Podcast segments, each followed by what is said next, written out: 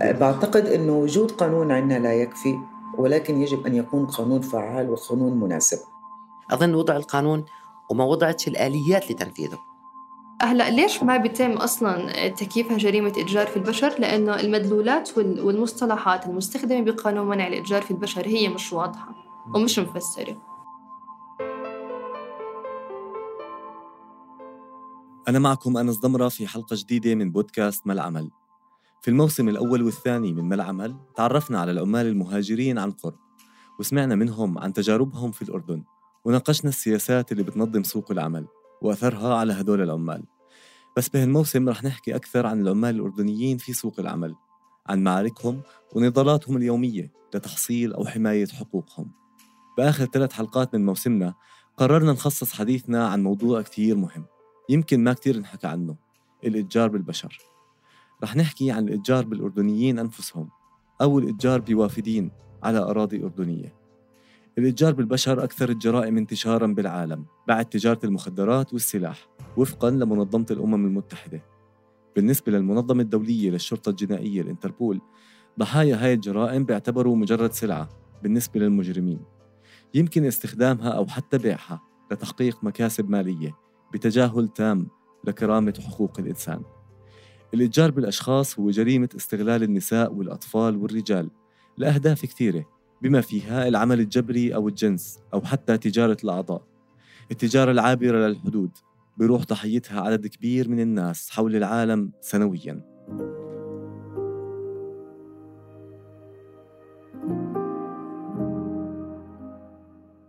في تقارير صادرة عن الأمم المتحدة بتحذر بشكل مستمر من تنامي مخاطر الجريمة المنظمة في مجال الإتجار بالبشر. هاي التقارير بتحذر أنه مئات الآلاف من النساء والأطفال والرجال دفعتهم الظروف الاقتصادية السيئة والكوارث الطبيعية أو مجرد الرغبة في حياة أفضل إلى أنه يكونوا ضحايا محتملين للإتجار أو الاستغلال من أجل الجنس أو السخرة في العمل. الأردن صادق على العديد من الاتفاقيات والمواثيق والصكوك والبروتوكولات الدولية المشتملة على أحكام وتدابير متعلقة بمكافحة استغلال الأشخاص وبخاصة النساء والأطفال. وقع الأردن على الاتفاقية الدولية لحظر الإتجار بالأشخاص واستغلال دعارة الغير واتفاقية الأمم المتحدة لحقوق الطفل لعام 1989 والبروتوكول الاختياري الملحق باتفاقية حقوق الطفل بشأن بيع الأطفال واستغلال الأطفال في الجنس وفي المواد الإباحية. وصادق على اتفاقية الأمم المتحدة لمكافحة الجريمة المنظمة عام 2000 وبروتوكول منع وقمع ومعاقبة الإتجار بالأشخاص وخاصة النساء والأطفال. أما بالنسبة للقوانين الأردن كان من أوائل الدول في المنطقة بعد البحرين والإمارات تصديا لهي الجريمة. من حيث سن قانون الإتجار بالبشر عام 2009 وبال 2019 صدر قانون معدل بهدف تغليظ العقوبة على مرتكبي هذا النوع من الجرائم. ومع كل هاي التشريعات عدد جرائم الإتجار بالبشر اللي تم تسجيلها عام 2018 20 قضية حسب إحصاءات المركز الوطني لحقوق الإنسان في عمان. وهون انولد سؤال هل إحنا عندنا جرائم إتجار بالبشر في الأردن؟ التقرير السنوي حول الإتجار بالبشر الصادر عن الخارجية الأمريكية يؤكد أن الأردن أخفق في أنه يمتثل بشكل كامل لأدنى المعايير للقضاء على الإتجار بالبشر إلا أنه ببذل جهود مهمة للتوصل إلى ذلك. توجهت بالسؤال لمديرة مركز تمكين لحقوق الإنسان والمساعدة القانونية ليندا كلش لتحكي لنا أكثر عن الإتجار بالبشر كمفهوم قانوني وعن آلية تكييف القضايا المتعلقة فيه بالمحاكم. الاتجار بالبشر هو جريمة متشابكة يعني فيها عدة جرائم عشان هيك بيصير فيها لبس أحيانا. الاتجار بالبشر يجب أن تتوافر فيه ثلاث عناصر حتى نقول القضية هي قضية اتجار بالبشر أو حالة اتجار بالبشر. ثلاث عناصر اللي هي الفعل والوسيلة والنتيجة. الفعل اللي هو استقطاب أو استقدام أو إيواء أو نقل أو تنقيل آه، آه، أشخاص أو شخص يعني. الوسيلة بتكون بالضغط باستغلال السلطة بإعطاء مزايا آه، بالخداع. آه، النتيجة بالنهاية هو الاستغلال. استغلالهم بالعمل بعمالة الأطفال آه، بالدعارة بيع الأعضاء وغيره من أشكال الاستغلال. ممكن يكون الزواج التزويج القسري واحد منهم التسول وعدة أشكال من من الاستغلال. موضوع التكييف موضوع كتير مهم وأعتقد مطالبنا كانت إيجاد ادعاء عام متخصص. إشكالية التكييف هاي إشكالية كبيرة. أحيانا بتلاحظ أنه نفس القضية أو قضيتين متشابهتين تماما.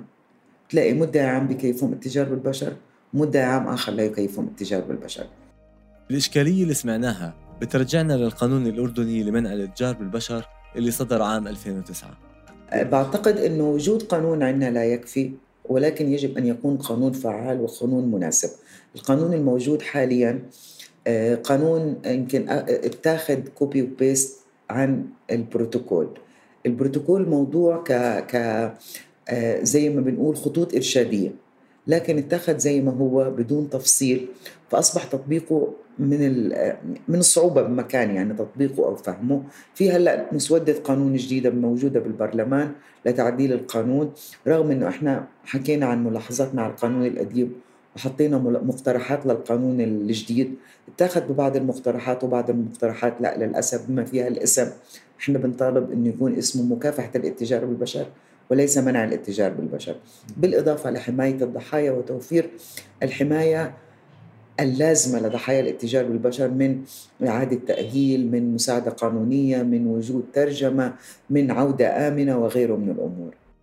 الصحفي المتخصص في قضايا حقوق الإنسان محمد شمة وهو أبرز الصحفيين الأردنيين اللي اشتغلوا على قضايا حقوق الإنسان بشكل عام وقضايا الإتجار بالبشر بشكل خاص من العام 2009 بيعتبر أنه من الصعب تحقيق تغيير جذري فيما يتعلق بقضايا الإتجار بالبشر باعتبار أنه في قوانين وتعليمات أردنية تتناقض مع مبدأ الكرامة الإنسانية وبتخلي الأشخاص وتحديدا العمال عرضة ليكونوا ضحايا محتملين للإتجار بالبشر من ما أخذ على القانون المحلي عندما تم سنه إنه قانون يعتبر وكأنه copy paste عن الاتفاقية الدولية لمناهضة جريمة الإتجار في البشر.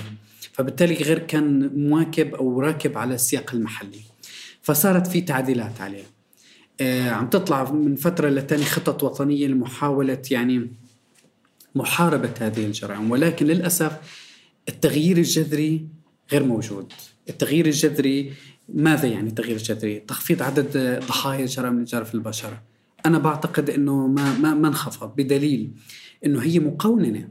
كيف؟ لما تكون وكالة من الوكالات بدول شرق آسيا على سبيل المثال يتم توظيف هذه العاملة ويتم إهامة براتب شهري راح تصير تأخذ لها 300 350 دولار. تيجي على الأردن بالمكتب عمان. آه، ممكن طبعا بديش أحكي يسيئوا معاملتهم هذا شيء ثاني كمان إنه بيتم اجبارهم انه خلاص تتوقع عقد تصير تأخذ 150 دولار. أو حسب الجنسية لأن أنت بتعرف حتى بيتم تسليع الجنسيات.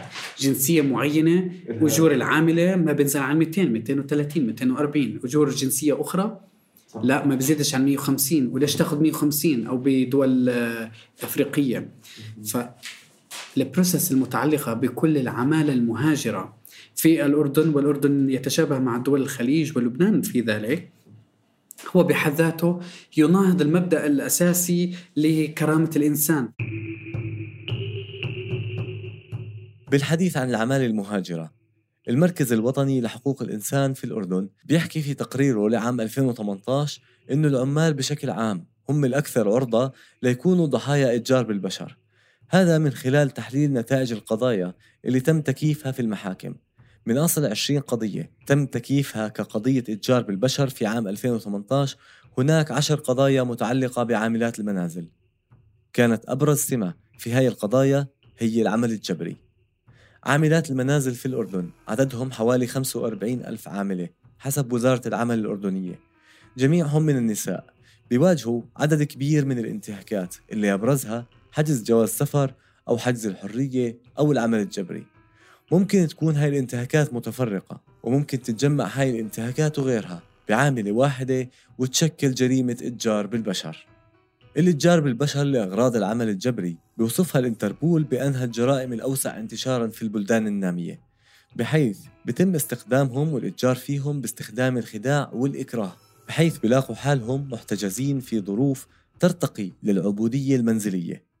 لا تزال الحرب الأهلية في سريلانكا مستمرة ومئات ألاف المدنيين عالقون بين الصراعات الدامية بين الجيش الحكومي وثورة أسود تمول.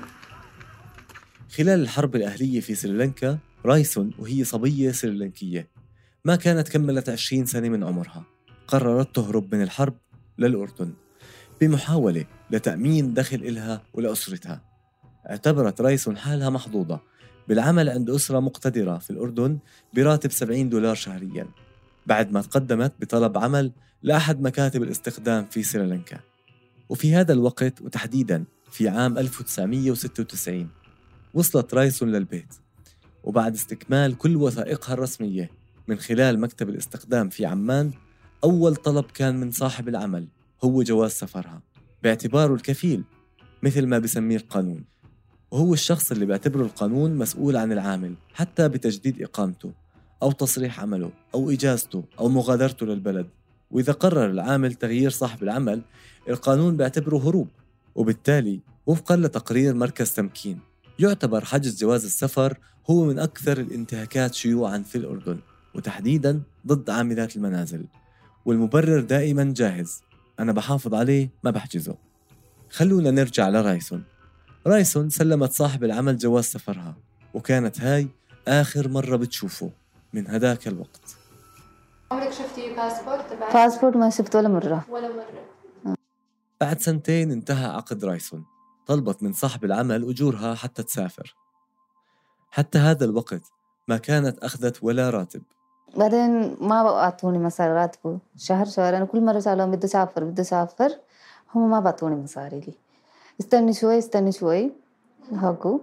بس آه بدي بيع أرد بدي بيع هاي بيع هاي. كل مرة بيعوا ما بعطوني مصاري. بعد إصرارها على تحصيل أجورها صاحب العمل استغل أحداث الحرب الأهلية في بلدها سريلانكا وخبرها بأنه أهلها ماتوا. بس آه، ولا مرة حكيت مع أهلي. وتليفون ممنوع عشان هيك ما أحكي مع أهلي. وبعد- حكوا لك عن أهلك وين؟ أهلي حكوا لي مات أهلك ماتوا. الجيران فقدوا.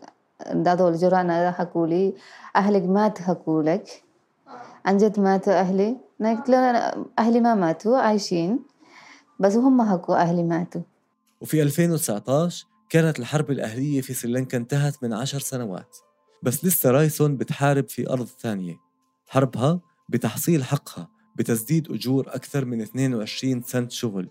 عند الأسرة اللي بدأت عملها عندهم وهي صبية عمرها 18 سنة وخلصت سيدة أربعينية. اشتريت تليفون أنا في ساكنة محل تاني زرقاء راح دائما رايح الدكان. راح الدكان هيك اشتريت التليفون. عندي ده عشان أشتري قط ما في كرت اسم تاني اشتريته في محل هو آه. آه، عشان اعطوني اسمه هو سجلتني اسمي عند صاحب محل. بعدين أنا استعملت تليفون. بس هم ما بيشوفوا أنا في تليفون. ما؟ اتصلتي عليه دورت على جوجا راحت جوجا دورت اسم. عشان اسم؟ سفارة سريلانكا. بعدين حكيت مع آه، السر دو- حكيت معهم. هم يجوا بال حكيت بعدين صرت حكي مع تليفون. سرنجا حكى مع بابا شفته؟ بعدين صرت حكي مع بابا. مم. وبده يشوفوا رايش النساء. وبده يجيبوا عايشة اللي ماتت؟ بده يشوف أني شوفوا انت آه اللي ماتت؟ وما هقول عايشة هي ما ما في مشكلة جيبيها ما معلش جابوا مركز تمكين لحقوق الإنسان والمساعدة القانونية. كان ملجأ رايسون. بتحكي لنا ليندا كلاش مديرة المركز عن إجراءات التقاضي في قضية رايسون. عاملات المنازل حبيسات البيوت.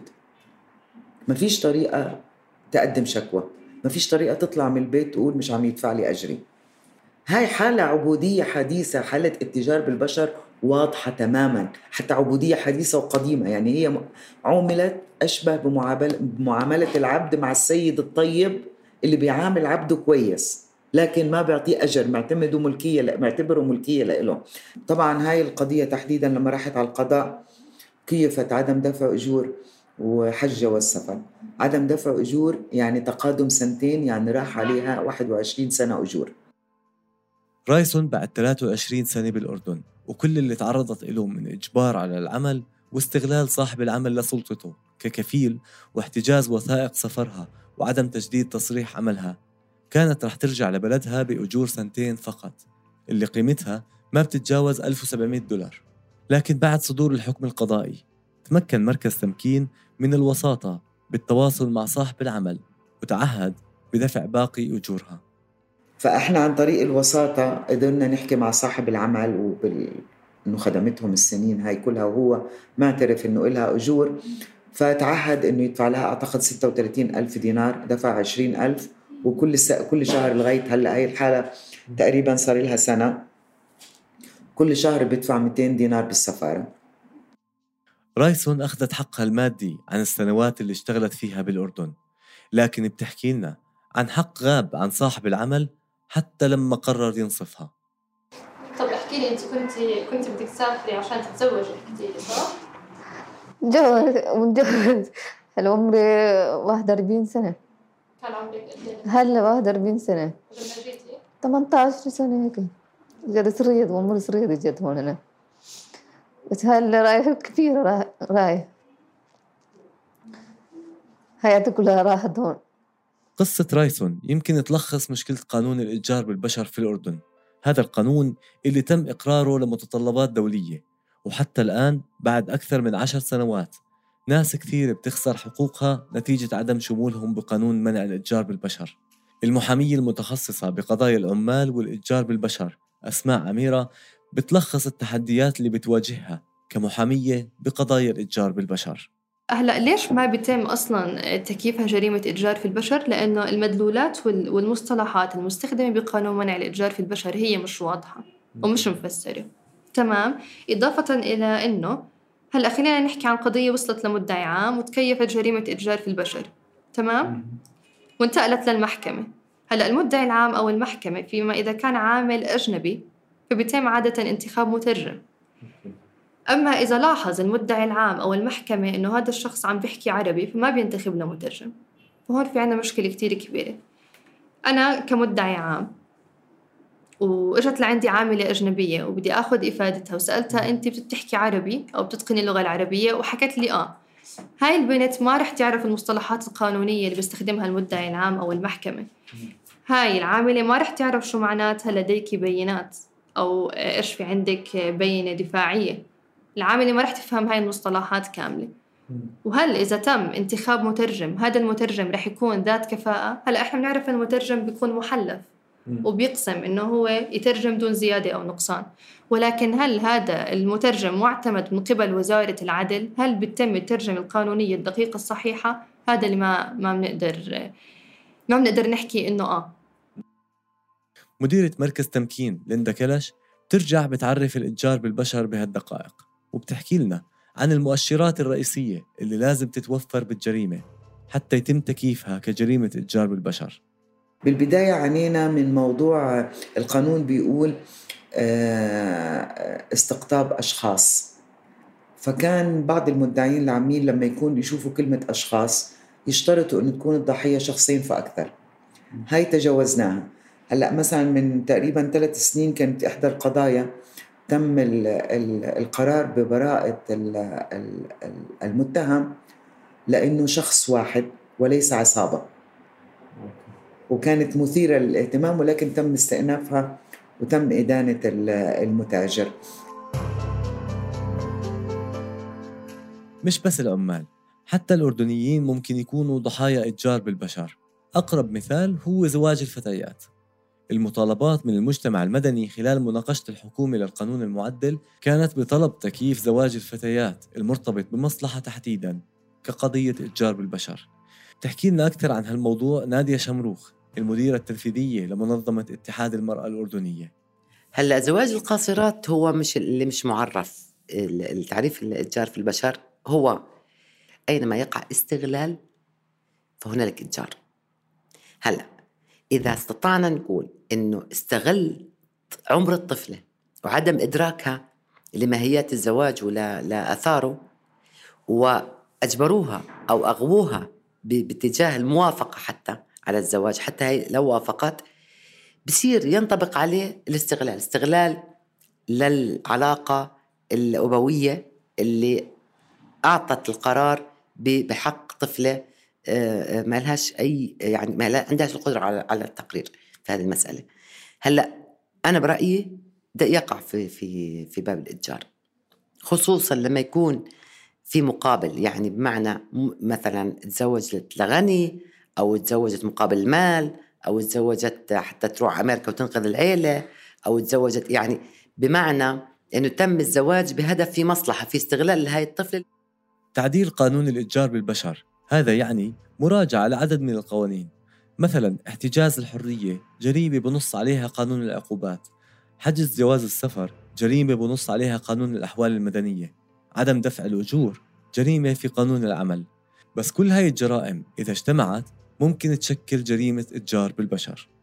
مديرة مركز تمكين لندا كلش تحكي لنا عن الإخبارات اللي برسلها المركز لوحدة مكافحة الإتجار بالبشر التابعة لمديرية الأمن العام وكيف يتم تكييف هاي القضايا أو التعامل معها. سنة 2019 كان في 34 إخبار منهم سبعة كيفوا إتجار بالبشر بالقضايا بالمحكمة و16 تم حلها مخالصات. هاي بيكون ما اكتملت الحالة كإتجار بالبشر. وفي وحدة كو- كيفت تهديد وخطف وواحدة حجز حرية واحدة حجز وثيقة سفر واحدة أربعة عدم دفع أجور وأربعة لم تستقبلهم الوحدة. وهي نقطة آه، كتير مهمة لأنه لا يحق لوحدة مكافحة الاتجار بالبشر أو أي جهة أمنية عدم استقبال إخبار طيب ليش من أي شخص؟ آم، إحنا حكينا قبل هيك على حسب مين الموجود. وحسب إجراءاته. للأسف هو لازم يكون في شغل مؤسسي أكثر تحكي لنا نادية شمروخ عن التداخل بين القوانين وبعض التعديلات المطلوبة على قانون مكافحة الإتجار بالبشر. بيحتاج لموائمة بين القوانين. يعني الفصل بين قانون العقوبات في في هاي الجريمة وبين قانون الإتجار بالبشر بمعنى خلاص تحول حتى يقدر المدعي العام يحول القضية ويكيفها إتجار بالبشر. لما عنده منفذ في قانون العقوبات انه هاي الجريمة يعاقب عليها في قانون العقوبات إذا عنده هو التعريف نفسه واضح في القانون هو رح يضطر يستخدم قانون الاتجار بالبشر. أظن وضع القانون وما وضعتش الآليات لتنفيذه. يعني القانون محتاج رغم إنه القانون محتاج بعض التعديلات في التفسير زي ما حكينا أو في أشكال ال- الاتجار بالبشر في تعريفها إحنا محتاجين كمان لتوعية الناس اللي اللي بتستخدم القانون حول القانون. يمكن من أخطر وأغرب القضايا المتعلقة بالإتجار بالبشر هي الجرائم التي تقع على الأطفال. أسماء عميرة تحكي لنا عن قصة فتاتين أردنيات. شاءت ظروفهم القاسية بأنهم يتعرفوا على امرأة طلبت الأخت الكبرى للزواج لابنها. وبعد موافقة الأهل وإجراء حفل الزواج آه، زوجوها. آه، بليلة الدخلة تبعتها آه، حماتها جابت لها ثلاث أشخاص وأجبرتها تمارس معهم الجنس. تمام؟ هلا اللي اللي اكتشفته هي إنها هي آه، حماتها آه، عم تشتغل بهذا البيت هم في بيت دعارة وهي زوجتها ابنها لحد ما هي تصير آه، تجيب لها زباين وتاخذ مصاري من هدول الزباين. فحسب حكيها لأنها حكت إنها كانت كانت تجيب لها باليوم من ست لتسع زباين يمارسوا معها الجنس وكانت تاخذ منهم من 25 ل 50 دينار. وكانت هاي الحماية بنفس الوقت تاخذ تجيب هي الأواعي اللي بيستخدموهم للدعارة وال... والأشياء اللي بتمنع الحمل وهيك. قررت تاخذ أخت الضحية لابنها الثاني أوكي وبالفعل إجت. هلأ البنت حاولت تتوصل لأهلها إنه ما بدي أختي تتزوج من هاي العيلة بس أهلها حكوا لأ خلص بدنا بدنا نزوجها. وبالفعل تزوجت. بليلة آه، ليلة العرس آه، آه، مارست الجنس مع زوجها الحقيقي والأصلي. تاني يوم صارت تجيب لها زباين وزي هيك. هالجريمة كان قدرها إنه يتم كشفها بطريقة كمان صادمة. يمكن ما نشوفها حتى بالدراما أو السينما. اللي صار بيوم من الأيام أخوهم بيشتغل شوفير تاكسي. فشوفير التاكسي طلع مع واحد من الزباين قال له وصلني على هاي ال- الشقة وهاي الشقة فيها هون بيمارسوا دعارة وشو رأيك تفوت تشوف وتجرب وهيك؟ قال له لا ما بدي أروح أنا مشوار وبرجع بأخدك. فقال له طب خليني أورجيك صور البنات اللي بيشتغلوا بهذا البيت. فعم بورجيه بالصور فبيطلعوا صور آه، أخواته التنتين. فهو هون طبعا بشعر بصدمة إنه خواته عم بيتم إجبارها مع ممارسة الدعارة فعلى طول بيروح بيخبر والد والدته وبروحوا وياها حماية الأسرة. وهناك حماية الأسرة آه، بيخبروا الأداب وبروحوا بيجيبوا البنات. وبعد هيك تتحول ال- القضية كلياتها على وحدة مكافحة جريمة الإتجار في البشر. هلا المدعي العام بناء على أقوالهم. آه، أول شيء هدول البنات تم إجبارهم على ممارسة الدعارة. تمام؟ حكوا هذا الحكي إنه آه، نحن كنا مجبرين كنا مهددين إنه إحنا في حال خبرنا أهلنا راح آه، يصير عندنا مشاكل راح يضربونا راح يهددونا. ما كانوا أصلا يسمحوا لهم يطلعوا من باب البيت. تمام؟ آه، ما كان مسموح لهم يروحوا يزوروا آه، أهلهم. وبنفس الوقت كانت أمهم ما معها مصاري حق التاكسي إنها تروح تزور بناتها. وحتى لما كانت إنه كل شهر أو شهرين تقدر تروح تزورهم آه، كانت الحماية نفسها تقعد معهم.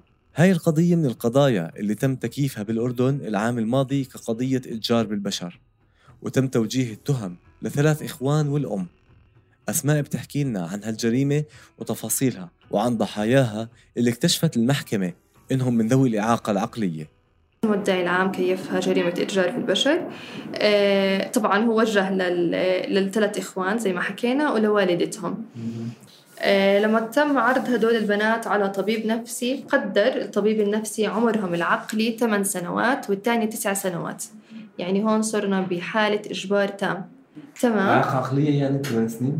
نقدر نحكي؟ هلا هي ح- كانت يعني إعاقة عقلية بسيطة تعتبر. بسيطة. آه حسب تقرير ال- الدكتور اللي تم تقديمه بالمحكمة كان إعاقة عقلية بسيطة. رغم تهديدات عائلة الأزواج إلا أنه الفتيات قرروا يكملوا بالقضية خاصة بعد ما تم تكييفها إتجار بالبشر. هلا بعد هيك طلبوا الشقيقتين الطلاق بدهم ينفصلوا عن عن أزواجهم. بالفعل آه، انفصلوا. آه، كملنا بالقضية وانتقلت من المدعي العام للمحكمة والمحكمة سمعت أقوالهم وهم أنكروا كل كل شيء وأخيرا صدر عنا قرار من المحكمة من محكمة بداية جزاء شرق عمان الجنايات الصغرى. آه، انحكموا أشغال شاقة مؤقتة مدة ثلاث سنوات كل واحد فيهم وغرامة 5000 دينار. وحكمت المحكمة للشقيقتين بمبلغ 30 ألف مناصفة لكل واحدة منهم 15 ألف دينار.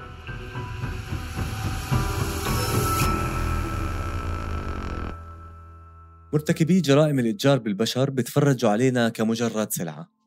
سلعة ممكن تنباع وتنشرى وتحقق لهم مصلحة أو دخل مادي.